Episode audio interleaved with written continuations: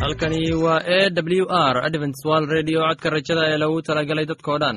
Anigoo ah cabdi waxaan idin leeyahay dhegeysi wanaagsan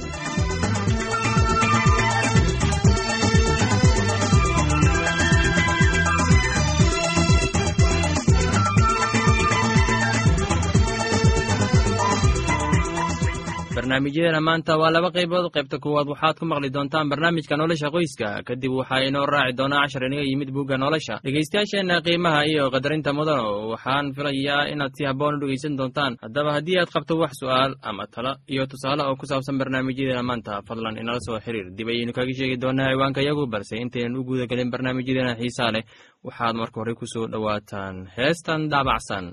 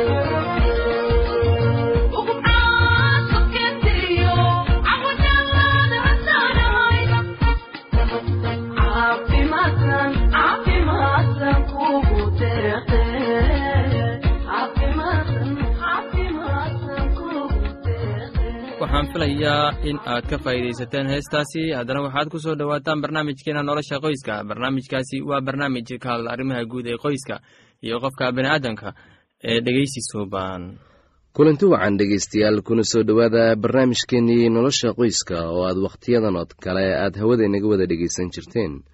Mowduuceena maanta wuxuu ku saabsan yahay nadaafadda guriga.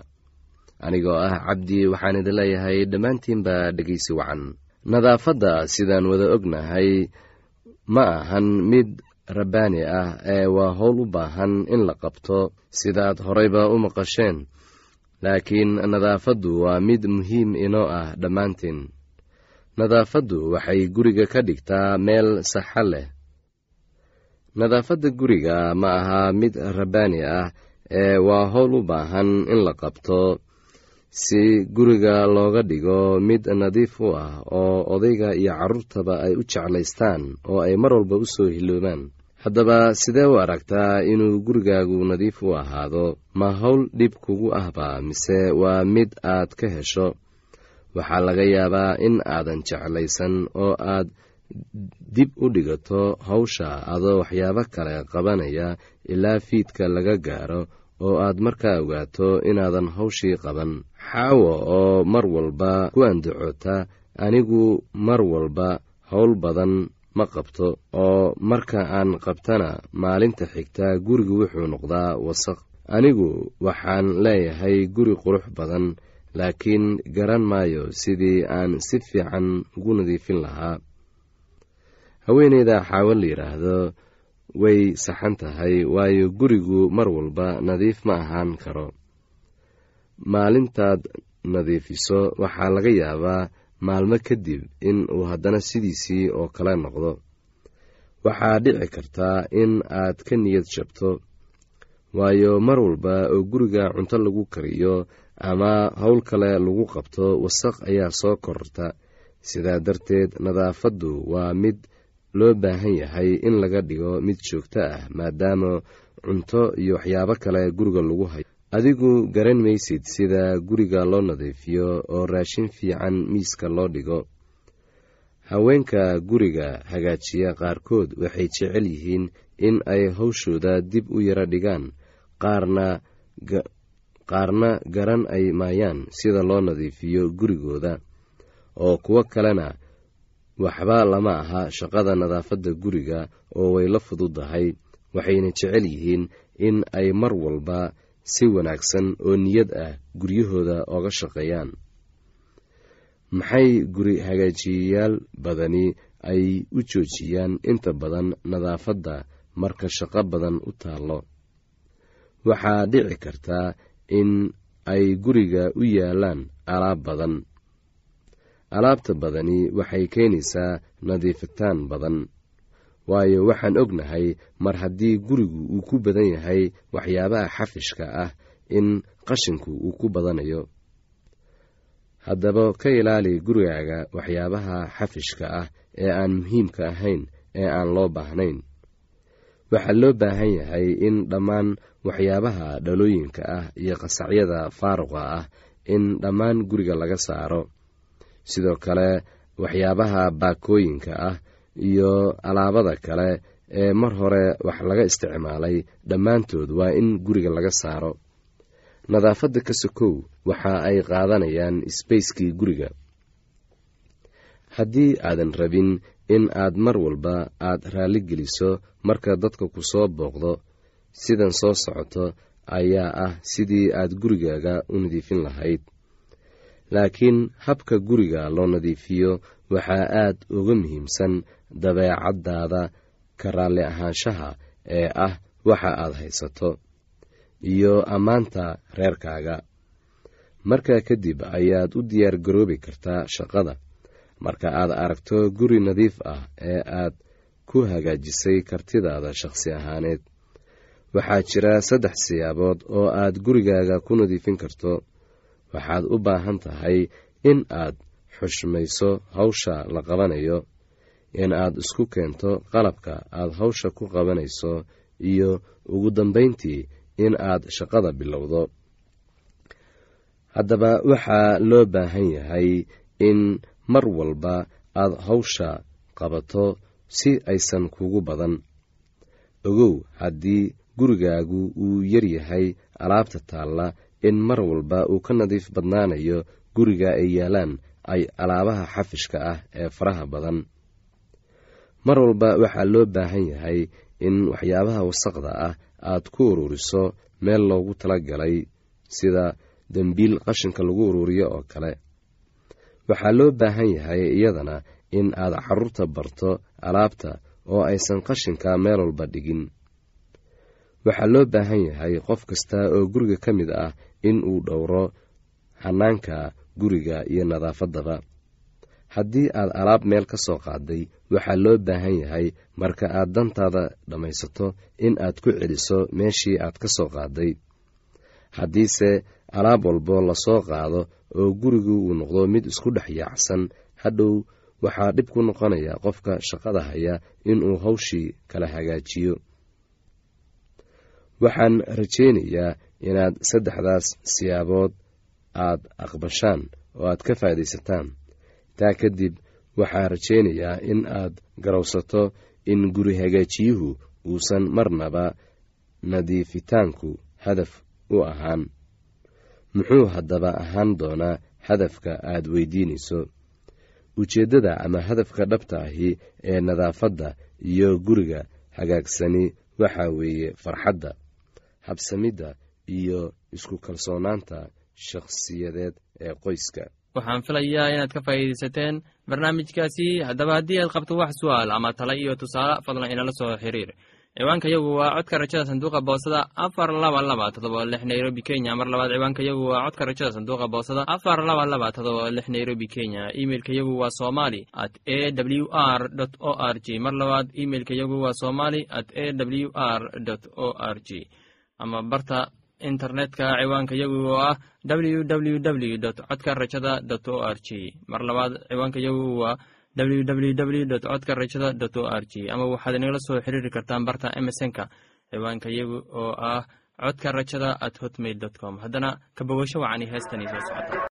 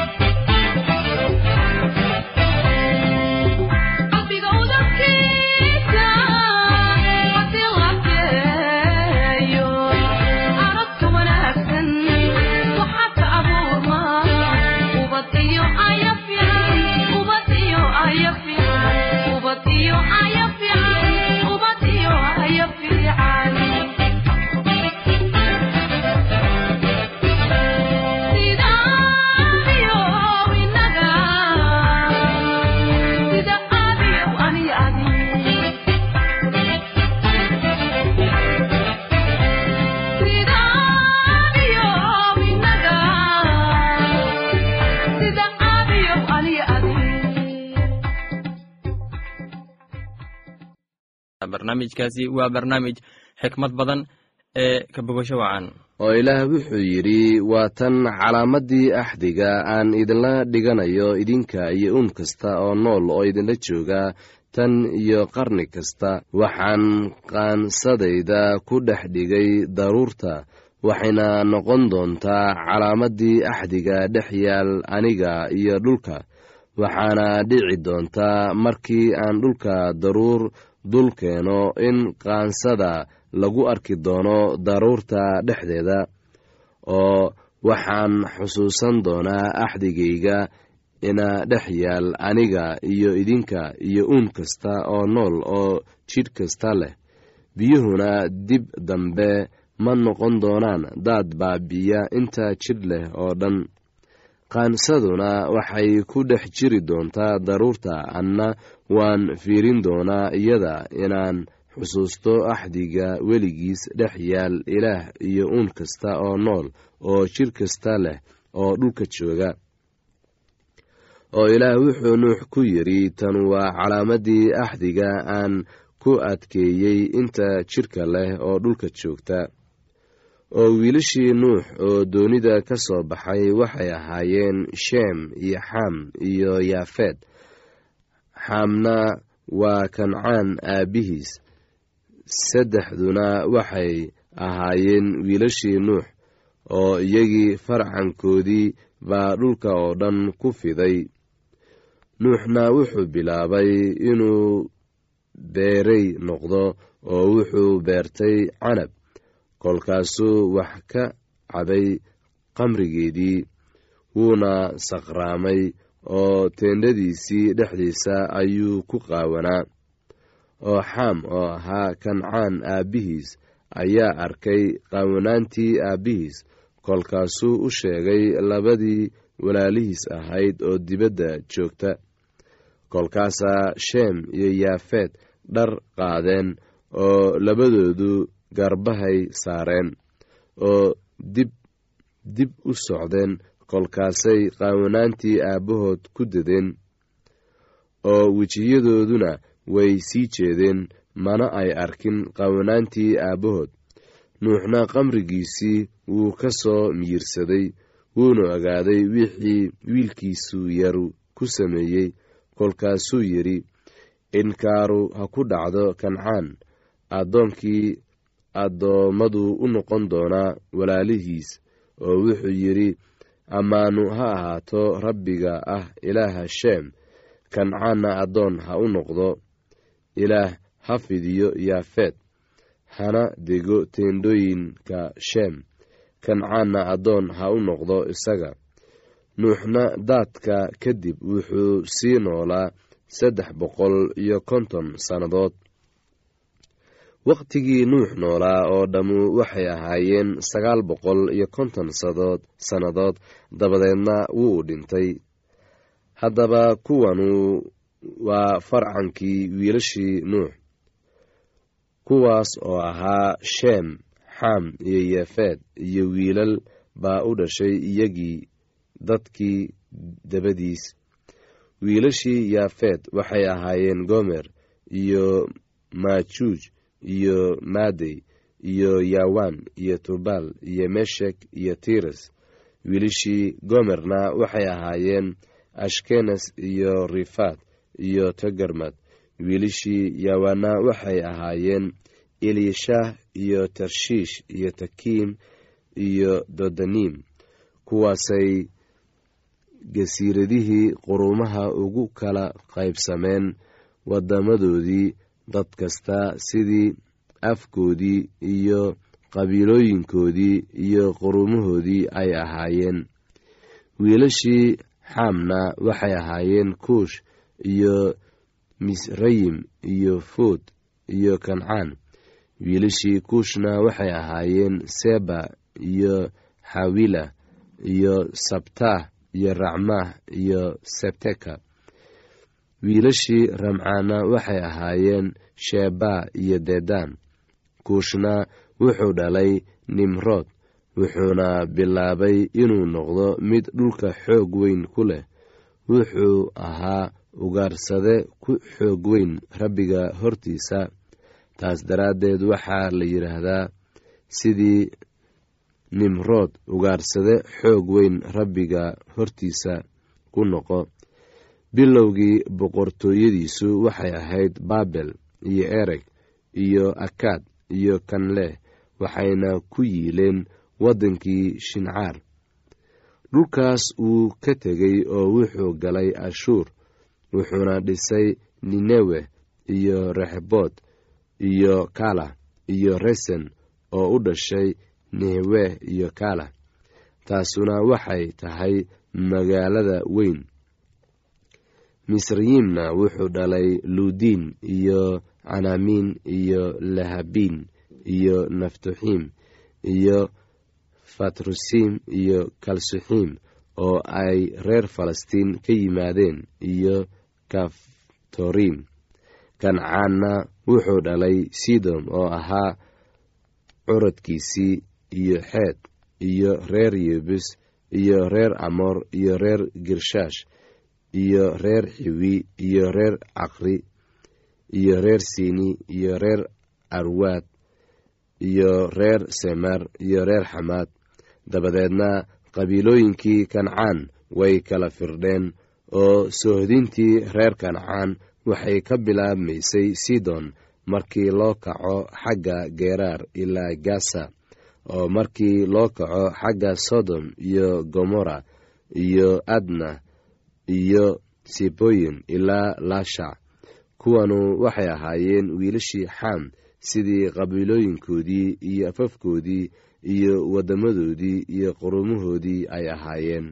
Heestaasi iyo casharka buugga nolosha ayaanu ku soo gabgabayneynaa barnaamijyadeena maanta. Halkaad inaga dhegeysanaysaan waa laanta afka soomaaliga ee codka rajada ee lagu talagalay dadka o dhan. Haddaba haddii aad doonayso inaad wax ka faa'iidaysataan barnaamijyadeena sida barnaamijka caafimaadka barnaamijka nolosha qoyska iyo barnaamijka kitaabka quduuska fadlan inala soo xiriir. Ciwaanka yagu waa codka rajada sanduuqa boosada afar laba laba todoba lix nairobi kenya. Mar labaad ciwaanka yagu waa codka rajada sanduuqa boosada afar laba laba todoba lix nairobi kenya. Imeilka waa somali at a w r r g. Mar labaad imeilka yagu waa somali at a w r o r g. Ama emesonka oo ah codka rajada at hotmail com. Mar labaad emesonka yagu waa codka rajada at hotmail com. Ama barta internetka ayaad ka akhrisan kartaan barnaamijyadeena iyo ka maqasha sida w w w dot codka rajada dot o r g. Dhegeystayaasheena qiimaha iyo qadarinta mudan oo barnaamijyadeena maanta waa naga intaas. Tan iyo intaynu hawada dib ugu kulmayno waxaan idin leeyahay sidaas